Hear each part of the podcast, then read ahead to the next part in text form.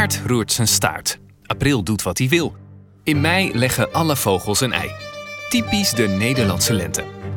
Krokussen die uit het gras omhoog schieten, een voorzichtig waterig zonnetje, de eerste keer zonder jas naar buiten. Is dit beeld wel toekomstproof? Hoe ziet de lente in Nederland eruit over 10 jaar? Over 50 jaar, 100 jaar of langer? En kunnen we dat wel weten? Het weer is iets anders dan het klimaat. Dus het weer kan je één, twee weken van tevoren verwachten. Maar uh, klimaat is een gemiddeld weer. Ik kan jou niet vertellen wat het uh, weer is op 31 juli 2035. Maar ik kan je wel vertellen wat het klimaat, wat er voor scenario's zijn voor het klimaat rond die tijd. Het klimaat verandert. Door de groeiende uitstoot van CO2 wordt het langzamerhand warmer op aarde en dat heeft invloed op alles om ons heen. Op de bomen, de planten, de dieren en op de mens. Een zomerse dag van 30 graden is lekker. Daar worden de meeste mensen blij van. Maar hoe zit dat als het 40 graden wordt? Of misschien zelfs nog warmer? Vinden we het dan nog steeds zo leuk?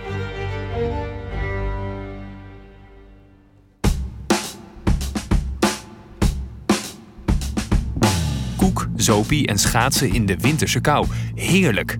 Maar wat als natuurreis iets uit het verleden wordt en er nooit meer een Elfstedentocht kan worden gereden? De laatste dateert alweer van 4 januari 1997 en dat is uh, toch alweer bijna 27 jaar geleden.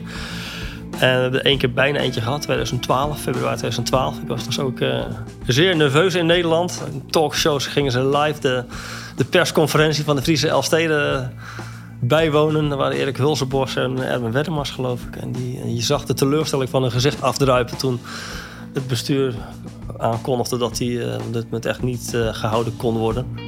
Deze mogelijke veranderende toekomstbeelden worden onderzocht in de beeld. In het gebouw van het Koninklijk Nederlands Meteorologisch Instituut. Daar naast die welbekende grote witte bol. De resultaten ervan worden elke 8 tot 9 jaar gepubliceerd aan het grote publiek in de KNMI 23 klimaatscenario's. Zo ook in 2023. De klimaatscenario's zijn de verwachtingen van het Nederlandse klimaat over 50, 100 en 150 jaar, uitgesplitst in hoge en lage scenario's. Hoog, dat is slecht nieuws. Laag, daar willen en moeten we naartoe.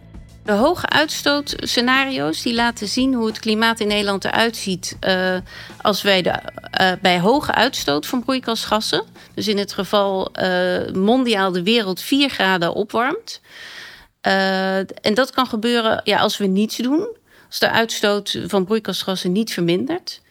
Een lage uitstootscenario uh, is het scenario wat we behalen bij uh, ja, lage uitstoot van broeikasgassen in het geval we het 2 graden doel, zoals we dat in 2015 in Parijs hebben uh, afgesproken, halen.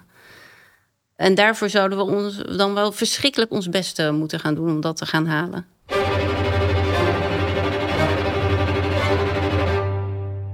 In de vier afleveringen van deze podcast nemen we je mee door de vier Nederlandse seizoenen van de toekomst. Wat zijn de verschillende scenario's? Hoe worden die onderzocht door het KNMI? Wat betekenen die verwachtingen voor zowel heel Nederland als ons eigen dagelijks leven? En is er iets dat wij als individu kunnen doen om ver weg te blijven van die zorgwekkende hoge scenario's? Je hoort het in de KNMI-podcast.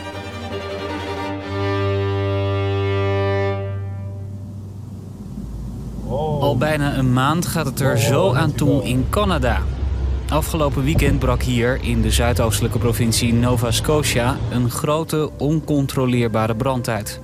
In de stad Halifax is de noodtoestand uitgeroepen. Duizenden mensen zijn al gevlucht voor het vuur.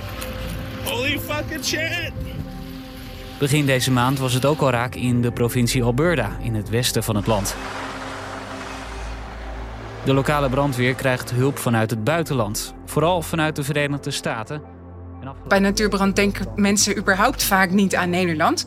Um, uh, maar we hebben branden. We hebben gemiddeld zo'n 600 natuurbranden per jaar. Um, en, maar als men al aan natuurbranden denkt in Nederland, dan denkt men meestal aan de Veluwe. Maar je ziet dus dat, um, en dat zie je nu ook, de meeste branden zijn nu ook al in het zuiden en het zuidoosten. En dat is ook waar de verandering waarschijnlijk het grootst gaat zijn. Bosbranden. Het lijkt een ver van ons bedshow. Iets wat alleen in warme landen voorkomt of aan de andere kant van de oceaan.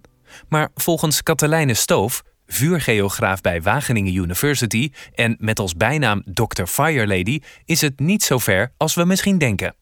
Onze resultaten laten zien dat ehm, wat natuurbrand en natuurbrandgevaar gaat doen in de toekomst, dat hangt af van wat het klimaat gaat doen. Het zou kunnen zijn dat natuurbrandgevaar met een kwart gaat afnemen. Maar het zou ook kunnen zijn dat het drie keer toe gaat nemen. Dat het natuurbrandgevaar drie keer zo groot wordt in de toekomst. Voordat we dieper ingaan op de lente van de toekomst en hoe natuurbranden zich mogelijk gaan ontwikkelen, nog even terug naar de basis van al deze verwachtingen. Want die klimaatscenario's, wat zijn dat nou precies en hoe komen deze verwachtingen tot stand? Nou, de klimaatscenario's van het KNMI zijn de vertaling van uh, de mondiale klimaatscenario's van het eh, IPCC, dus het VN Klimaatpanel, naar Nederland. Uh, en de klimaatscenario's die geven aan welke klimaatverandering we in Nederland in de toekomst verwachten. Dus we geven de getallen voor verandering van droogte, extreme neerslag, zeespiegel voor rond 2050, 2100, 2150. En met die getallen kunnen ja, de Nederlandse beleidsmakers en andere professionals ervoor zorgen dat Nederland zich op de juiste manier aanpast aan het toekomstig klimaat. Dit is Bernadette Overbeek. Bernadette werkt bij het KNMI als stakeholder manager voor de klimaatscenario's. Binnen die rol kijkt ze samen met de gebruikers van de scenario's welke onderwerpen belangrijk zijn en welke thema's aan bod moeten komen.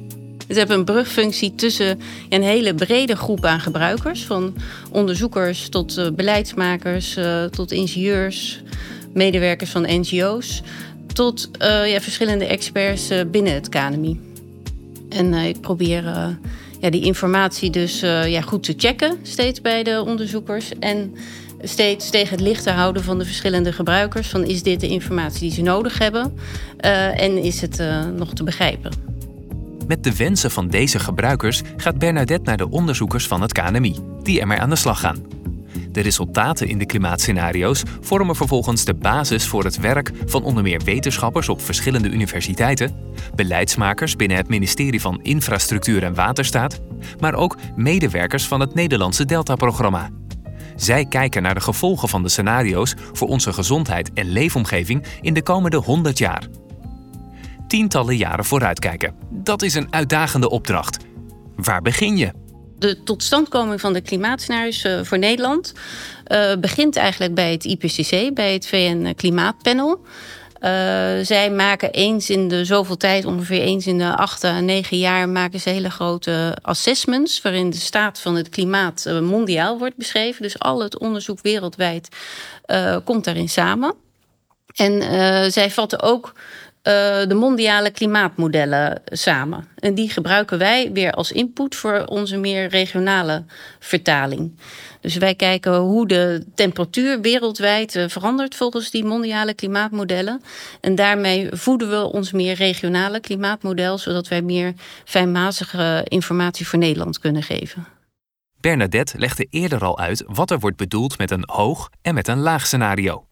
Een hooguitsttootscenario laat zien hoe de wereld eruit ziet als we als mensheid niets aan de broeikasuitstoot doen en het mondiaal 4 graden warmer wordt.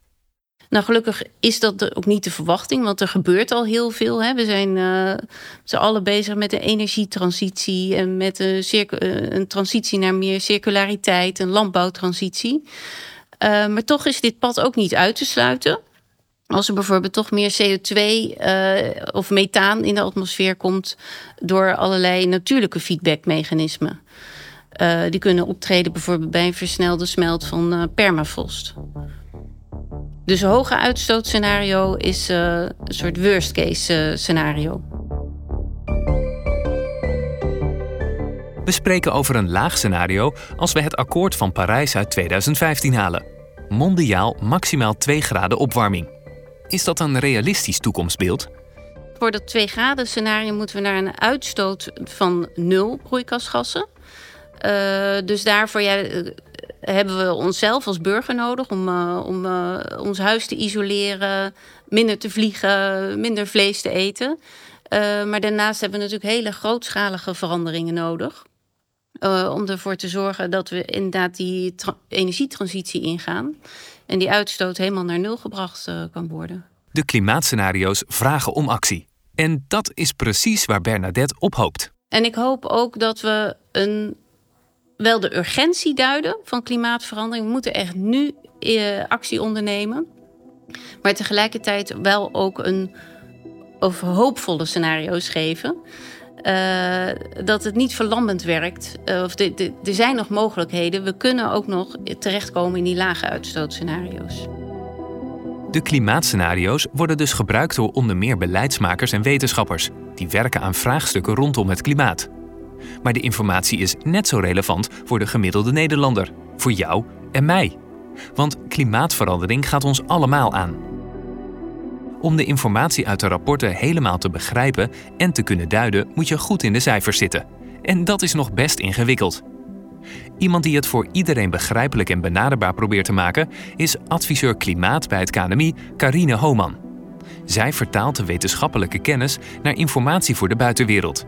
Naar iedereen die er wat mee kan en wil. Waarom is dit zo belangrijk volgens Karine? Nou, het is heel fijn dat er voor Nederland een basis ligt van, van de wetenschappelijke kennis die er is over klimaat en klimaatverandering. Uh, waar mensen op verder kunnen bouwen. En dat ze weten, nou, wat staat ons te wachten? Uh, wat gaat er gebeuren als we, als we weinig klimaatactie hebben of veel klimaatactie? En hoe kan ik mij daarop aanpassen? Dus dat is uh, zowel voor instanties van wat moet ik doen bij een hogere zeespiegelstijging, als de burger die graag meer informatie wil hebben van hoe vaak komen nou extremere buien vaker voor? Of wat gebeurt er in mijn achtertuin? Bernadette vertelde al dat het KNMI samen met gebruikers kijkt naar belangrijke thema's die moeten worden behandeld. Ook Karine is daarbij betrokken. En daar komt al snel een eerste thema uit. En daar kwam droogte als een van de belangrijkste onderwerpen naar voren. Dus vandaar dat de klimaatscenario's ook zijn ingericht uh, nou ja, om, meer, om vooral veel informatie te geven over droogte. Droogte is erg belangrijk binnen klimaatverandering. Er is, los van een hoog en een laag scenario, namelijk ook nog zoiets als een nat en een droog scenario. Er zijn dus twee droge scenario's en twee natte scenario's. Uh, eentje waarbij dus uh, de zomer uh, sterk droger wordt. En eentje waarbij de winter juist natter, of zeer veel natter wordt. Dus in die zin is er heel veel ja, is de focus van deze klimaatscenario's ook, ja, ook voor een heel groot deel uh, op droogte. Iemand die binnen het KNMI alles weet over de droge en natte scenario's is klimaatwetenschapper Karin van der Wiel. Karin doet onderzoek naar weer- en klimaatmodellen en zit in het kernteam van de KNMI 23 klimaatscenario's. Samen met haar collega's voert ze berekeningen uit die vervolgens in de context van de scenario's worden geplaatst. We maken dus een droog en een nat scenario. En dat heeft te maken met de onzekerheid die klimaatmodellen geven. Alle klimaatmodellen zijn het eens dat het zuiden van Europa, in het Middellandse zeegebied, echt droger wordt. In alle seizoenen neemt daar de neerslag af. En het noorden van Europa en Scandinavië neemt de neerslag juist toe. Uh, en die worden dus natter. En afhankelijk van welk klimaatmodel je pakt, zit Nederland bij die zuidkant of bij die noordkant. En wordt het dus over het jaar gezien gemiddeld natter of gemiddeld droger. En om, om die onzekerheid die dus bestaat in de wetenschap te vangen, hebben we die natte en die droge variant van de scenario's gemaakt. En dat heeft dus voor droogte wel echt effect. Um, omdat die uitdroging dan dus nou ja, flink groter is als we toch wat meer bij het zuiden van Europa zouden horen, klimaattechnisch gezien dan wanneer we iets meer bij het noorden van Europa zouden horen.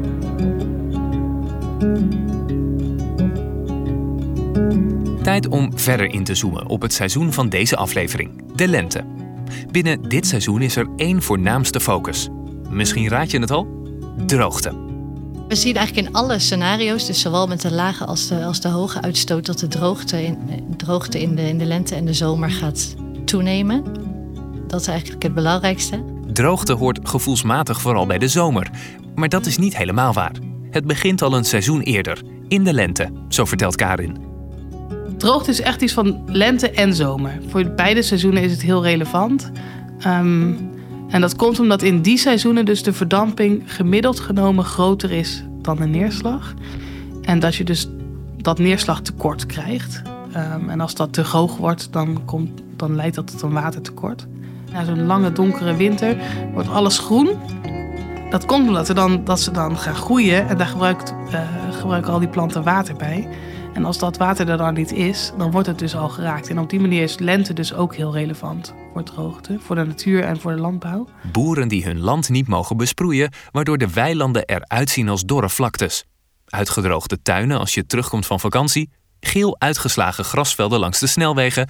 Droogte is overal om ons heen te vinden. En dat wordt steeds erger. Onder andere dus door neerslagtekort. Maar hoe werkt dat dan precies? Iedereen weet wat droogte is, want het gras wordt geel, uh, waar het normaal groen is. Maar waar het door komt, dat is vaak nog ingewikkelder dan mensen denken. Um, droogte wordt veroorzaakt doordat er minder regen valt dan dat we normaal gewend zijn. Maar droogte wordt ook veroorzaakt doordat er veel water verdampt uit de bodem. Um, waardoor er dus echt uiteindelijk een watertekort ontstaat. Dus als we de bodem zien als een soort emmer, die wordt aangevuld door regen. En die, het water verliest die emmer door verdamping. Dat, doet, dat doen alle planten en bomen en het gras. En als dat niet in balans is, dan um, krijg je of een neerslagoverschot. Dat hebben we iedere winter. Iedere winter is er meer neerslag dan dat er verdamping is. Of je krijgt een neerslagtekort. Dat hebben we iedere zomer. In de zomer is er altijd meer verdamping dan dat er neerslag is. Maar als dat neerslagtekort in de zomer heel groot wordt, dan spreken we van droogte. Dus dan gaat een neerslagtekort over in een watertekort. En dan, nou ja, dan krijgen dus de planten het moeilijk. Dan krijgt uh, de natuur het moeilijk. Dan gaat het water in de rivier omlaag en dan kunnen de boten minder goed varen. Ja, het speelt op heel veel vlakken, komt droogte dan opzetten. Droogte is niks nieuws. We zijn gewend om in de lente en de zomer de tuin te moeten sproeien. Maar wanneer gaat dat over in extremen en begint het uit de hand te lopen? Het is ingewikkeld om te zeggen wanneer we van extreme droogte spreken, omdat droogte ook iets is wat heel erg moet opbouwen. Dus, um, en iedereen ieder facet van de samenleving is op een andere manier gevoelig voor droogte. Dus dat gras wordt vrij snel geel omdat het, uh, de wortels van gras gaan ongeveer 30 centimeter diep. Dus dat gras dat voelt alleen maar het water in de bovenste 30 centimeter van, van de bodem. Terwijl een boom heeft wortels die gaan veel dieper. Die kunnen tot het grondwater gaan. Dus die, die boom voelt droogte pas veel later. Als het verder is doorgezet. Dus op die manier is het heel erg afhankelijk van wie of wat jij bent hoe jij droogte voelt en wanneer het een probleem wordt. En dus wanneer we het extreem zouden noemen. Um, KNMI heeft het veel, vaak over meteorologische droogte. Dus neerslag en verdamping. Maar als we met hydrologen gaan spreken, dan praten zij over bodemvochtdroogte. Dat is echt over het water in de bodem. Of hydrologische droogte. Hoeveel water zit er nog in de rivier? En daar spelen andere processen dan puur de regen. Het begint met dat er minder regent dan normaal. Maar dat werkt dan helemaal door, door de bodem, door het grondwater. Nou ja, en uiteindelijk is het laagwater in de rivieren en het IJsselmeer. In droogte schuilt een groot gevaar voor de natuur. Brand. Je hoorde eerder al Fire Lady Katelijne Stoof. Mogelijk gaat het aantal bosbranden in Nederland in de toekomst omhoog. Al is dat nog geen verbinding die veel mensen maken: Nederland en natuurbranden. Ja, ik, ik word soms zelfs uitgelachen als ik, aan, als ik zeg dat ik aan brand werk in Nederland. Dus ja, natuurbranden, zeg maar, dat doe je hier toch niet? Zeg maar, die hebben we toch niet? Maar ja, we hebben branden. Die zijn er altijd al geweest. Er is niet alleen maar een brand in het zuiden van Europa. Maar kijk, een reden waarom, of denk ik, een reden waarom mensen in Nederland zich ook niet bewust zijn van die branden, is dat ze, ze komen wel voor en ze laten lokaal wel een indruk achter. Zeker als het grotere branden zijn. Um, maar ze gebeuren niet vaak genoeg of ze zijn nog niet erg genoeg. Of er wordt nog niet genoeg data verzameld. Want ik heb een hele lijst gemaakt met heel, nou ja, ontruimen van verzorgingshuizen, gevangenissen, campings. Um, uh, brandweermensen die moeten vluchten voor het vuur. Het is echt serieus als je het overzicht maakt. Voor de KNMI 23 klimaatscenario's werkte Katelijne mee aan een impact case over natuurbranden waarin wordt gekeken naar de ontwikkeling van natuurbrandgevaar in relatie tot klimaatverandering. Wat we hebben gedaan is dat we de data van het KNMI hebben gebruikt om door te rekenen wat um, het natuurbrandgevaar is bij de verschillende klimaatscenario's in de toekomst. Dus in feite, natuurbrandgevaar gaat over um, de meteorologische omstandigheden. Dus wat op, op basis van het weer, wat is de kans dat er een brand plaatsvindt? Nou, natuurbranden hebben niet alleen met weer te maken. Um, om een brand te krijgen moet je uh, een ontsteking hebben, een vlammetje. Je hebt ook brandstof nodig, want zonder dat er planten of dode plantenmateriaal is, is er niks wat er kan branden. Uh, maar daarnaast moet het plantenmateriaal ook dusdanig droog zijn dat het kan branden. Um, en wij hebben dus voor die impact case hebben we dus dat gedeelte onderzocht wat te maken heeft met het weer. De resultaten zijn afhankelijk van een hoop verschillende factoren. Natuurbrandgevaar hangt af van uh, neerslag, relatieve luchtvochtigheid en ook van wind. En een klein beetje temperatuur. Um, en omdat, ja, we hebben het over klimaatscenario's. Dus dat wij weten niet wat de toekomst gaat doen. Dus daarom is er in die klimaatscenario's gekeken van oké, wat, wat zijn de mogelijkheden? En, en daarom. Um, en sommige scenario's betekenen dus bijvoorbeeld dat het uh, uh, het effect van, de, van veranderingen in neerslag en relatieve luchtvochtigheid betekent dat, het juist, dat er juist veel meer natuurbranden kunnen komen. En andere scenario's betekenen dat het net iets minder kan worden. Wat we daarnaast zien in de resultaten is dat de mogelijke verandering niet gelijk is verspreid over het hele land. Uh, het zuiden en het zuidoosten, daar zal uh, de verandering het groot zijn. Droogte in de lente is een perfecte basis voor natuurbrand. Al is er nog een belangrijke factor in het ontstaan ervan. Je kan natuurbranden krijgen als er drie dingen samenkomen. Um, je hebt brandstof nodig. Die, dat, dat, zijn meestal planten. Um, die brandstof die moet droog zijn. En het helpt als er wat wind staat. Dus, dus weer en klimaat is heel belangrijk. Dat is de tweede factor. En het derde is dat er een ontsteking bij moet komen. Dus er moet een vlammetje bij komen. In Nederland uh, ongeveer 99,9% van de branden wordt door de mens veroorzaakt. Ofwel per ongeluk ofwel expres. Maar brandstof, weerklimaat en ontsteking, dat zijn de dingen die bij elkaar moeten komen om tot een brand te leiden. Daarom is bewustwording rondom dit onderwerp van groot belang. Het risico op brand zit in een klein hoekje. Heide is hetgeen wat het meest brandt in Nederland. Daarom heb ik het ook over natuurbrand en niet over bosbrand. Want ja, er brandt soms wel bos, maar meestal is het open terrein wat er brandt. Um,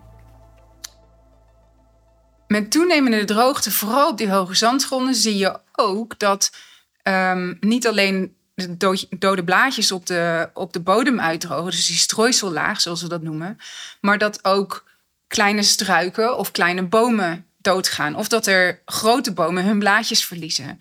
Dat zorgt er in feite voor dat er meer, ja, heel plat gezegd, dat er meer brandstof is voor een brand. We moeten aan de bak.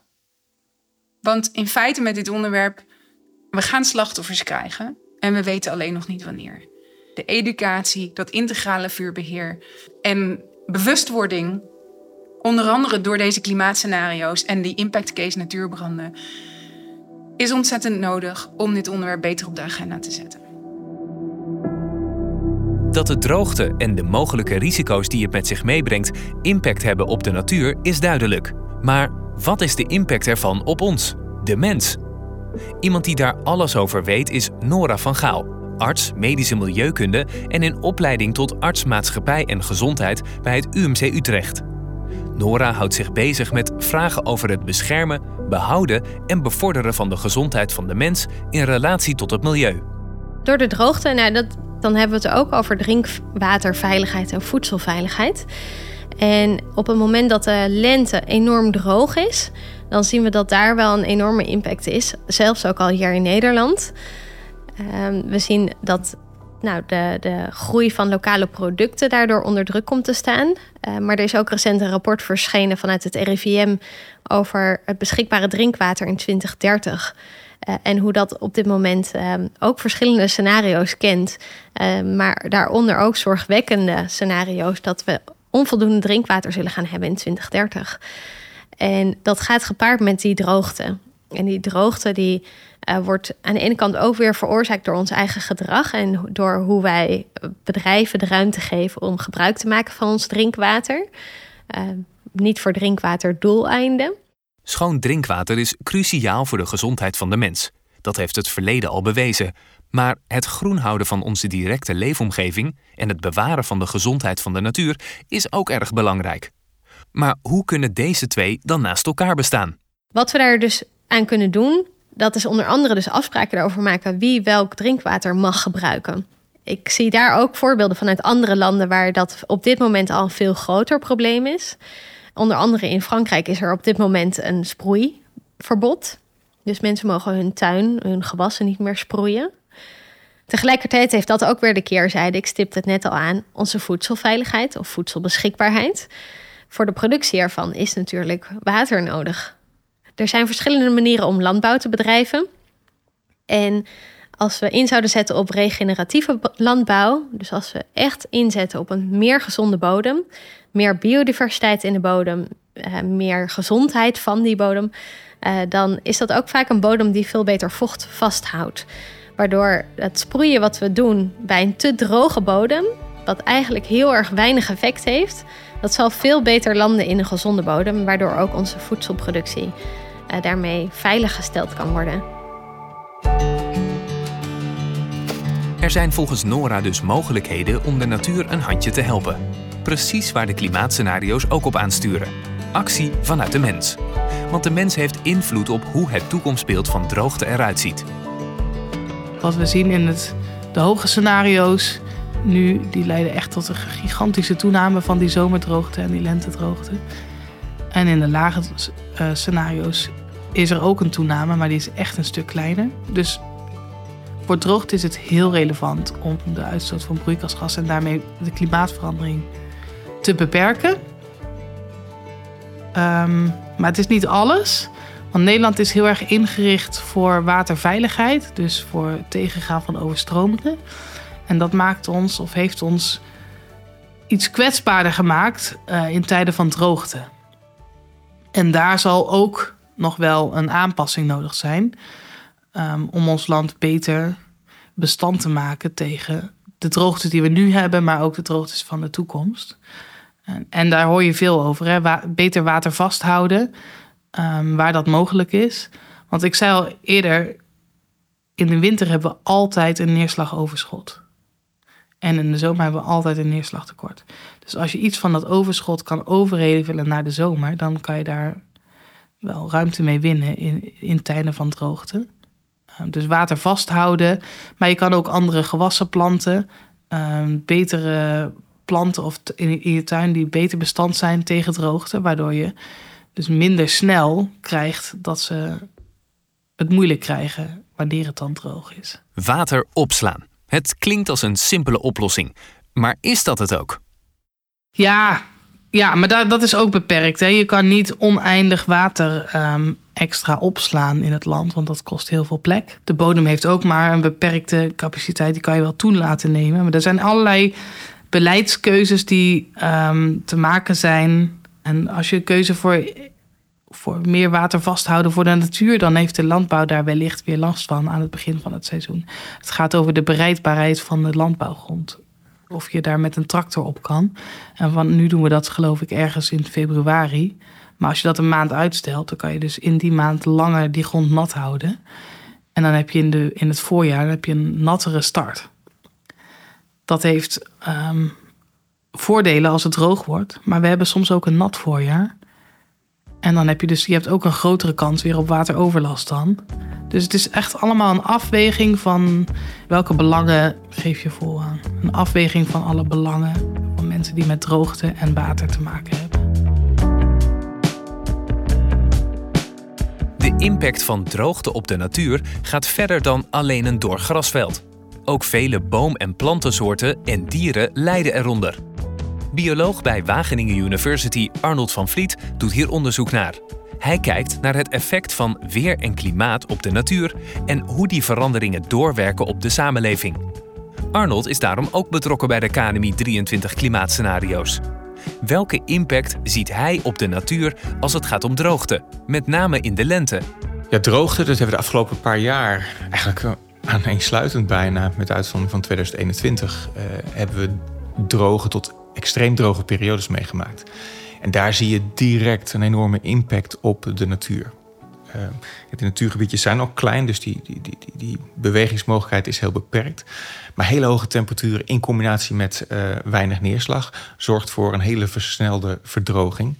En we zien dat allerlei boomsoorten daar problemen mee hebben. Denk aan uh, eiken, beuken. ja, die hebben het echt heel zwaar op dit moment in het land. Um, door de combinatie aan de ene kant stikstofproblematiek die ervoor zorgt dat ze meer blad aanmaken en minder wortels. Ja, combineer dat met hoge temperaturen, dus veel verdamping met je blad. Uh, en minder wortels en droog, dus ook minder vocht kunnen opnemen. Die bomen verdrogen dan gewoon. Uh, en dat zien we echt uh, op dit moment op grote schaal gebeuren. Dat ja, enorme hoeveelheden beuken eigenlijk gewoon ja, letterlijk omvallen en doodgaan op dit moment.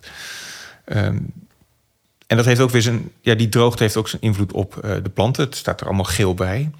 En dat is net wel waar bijvoorbeeld de, de larven van allerlei insecten, denk aan de rupsen, voor de vlinders van moeten eten. Dus dat heeft aantoonbaar, dus de droogte van uh, 2022 in de zomer, heeft ervoor gezorgd dat heel veel vlindersoorten niet hun cyclus konden voltooien. En dus had je dus veel minder vlinders in 2023. Afwachten is geen optie meer. Zoveel is duidelijk. Maar wat kunnen we doen? Zijn wij als individuele Nederlanders geen druppels op een gloeiende plaat? Nee, gelukkig niet, zegt Mariken Stolk van Milieu Centraal.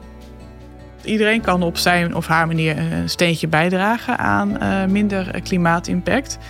Omdat huishoudens wereldwijd voor zo'n 65 tot 70 procent verantwoordelijk zijn voor de CO2-uitstoot met hun uh, consumptiepatroon. Mariken is strategisch communicatieadviseur. Bij Milieu Centraal geeft ze samen met haar collega's voorlichting over de gevolgen van klimaatverandering, inclusief concrete tips. Milieu Centraal richt zich met hun communicatie op de gemiddelde Nederlander. Iedereen die graag milieubewuster en duurzamer wil leven en wil bijdragen aan het leefbaar houden van de aarde. Huishoudens wereldwijd zijn dus voor 65 tot 70 procent verantwoordelijk voor CO2-uitstoot. Hoe zit dat in Nederland? Nederlandse huishoudens al helemaal. Uh, want Nederland zit heel erg hoog als het gaat om CO2-uitstoot. En Nederlandse huishoudens die stoten twee keer zoveel uit als het wereldwijde gemiddelde. En we hebben eigenlijk alleen Amerika, Japan, Nieuw-Zeeland en Australië boven ons als het gaat om uitstoot per, uh, per hoofd van de bevolking. En ook binnen Europa uh, zitten wij in de allerhoogste regionen wat betreft de uitstoot. Je hoort heel vaak van, nou, uh, als Nederlander kun je, ja, als wij iets doen, doen ze in China wel weer wat. Maar ja, we hebben in Nederland al een hele hoge uitstoot per hoofd van de bevolking. Dus wij, maken echt wel, um, als we iets doen, wel meteen verschil ook in, uh, in uitstoot. Daar is ook Bernadette het mee eens. Niet met een vingertje naar andere wijze, maar het heft in eigen hand nemen. En dan zou je als criticus nog kunnen denken: ja, maar wat heeft het nou voor zin wat wij als Nederland doen? Of dat is een druppel op een gloeiende plaat als je kijkt naar de bijdrage van eh, landen als, als China of India.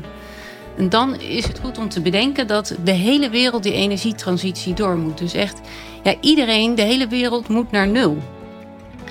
En hoe kunnen wij dan van die snelgroeiende landen zoals China en India verwachten dat zij hun uitstoot terug moeten dringen als wij dat niet doen? Dus wij als rijk land, uh, en ook historisch gezien, want wij hebben al de nodige uitstoten achter de rug, moeten daarin onze verantwoordelijkheid nemen en daarin leidend zijn. En uiteindelijk is dat ook in ons belang uh, dat die uitstoot wereldwijd naar nul gaat, uh, zodat wij in Nederland ook droge voeten houden. Hoe komt het eigenlijk dat het kleine Nederland zo hoog op de lijst CO2-uitstoot staat tussen al die grootmachten? Wij zijn wel gewend aan redelijk uh, wat, wat, uh, wat luxe. En de uitstoot voor onze energie is bijvoorbeeld ook is wel gedaald de laatste tijd. Maar als je kijkt naar mobiliteit, dus zowel woon-werkverkeer als bijvoorbeeld ook vliegen, is uh, eigenlijk alleen maar groei te zien. En we zijn best wel een reislustig volk. dus op mobiliteit is nog heel veel winst te boeken. Onze invloed is dus een stuk groter dan we zelf waarschijnlijk denken.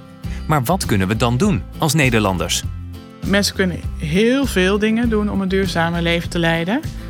Met de juiste step, stappen die je, kun je echt wel je impact, klimaatimpact halveren.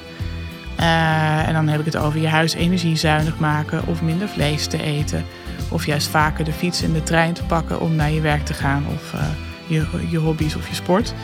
Uh, en zeker ook door vliegen te mijden kun je een hele hoop uitmaken. Maar ook door minder nieuwe spullen te kopen. Dus je kunt op heel veel manieren je klimaatimpact fors verlagen. De belangrijkste tips zijn um, dan gericht op het eigenlijk het gezond houden van je tuin zonder al te veel water te geven. En dan is de belangrijkste tip is uh, ga niet de planten dagelijks water geven. Ook al heb je misschien wel die neiging omdat je de tuin ziet verdrogen.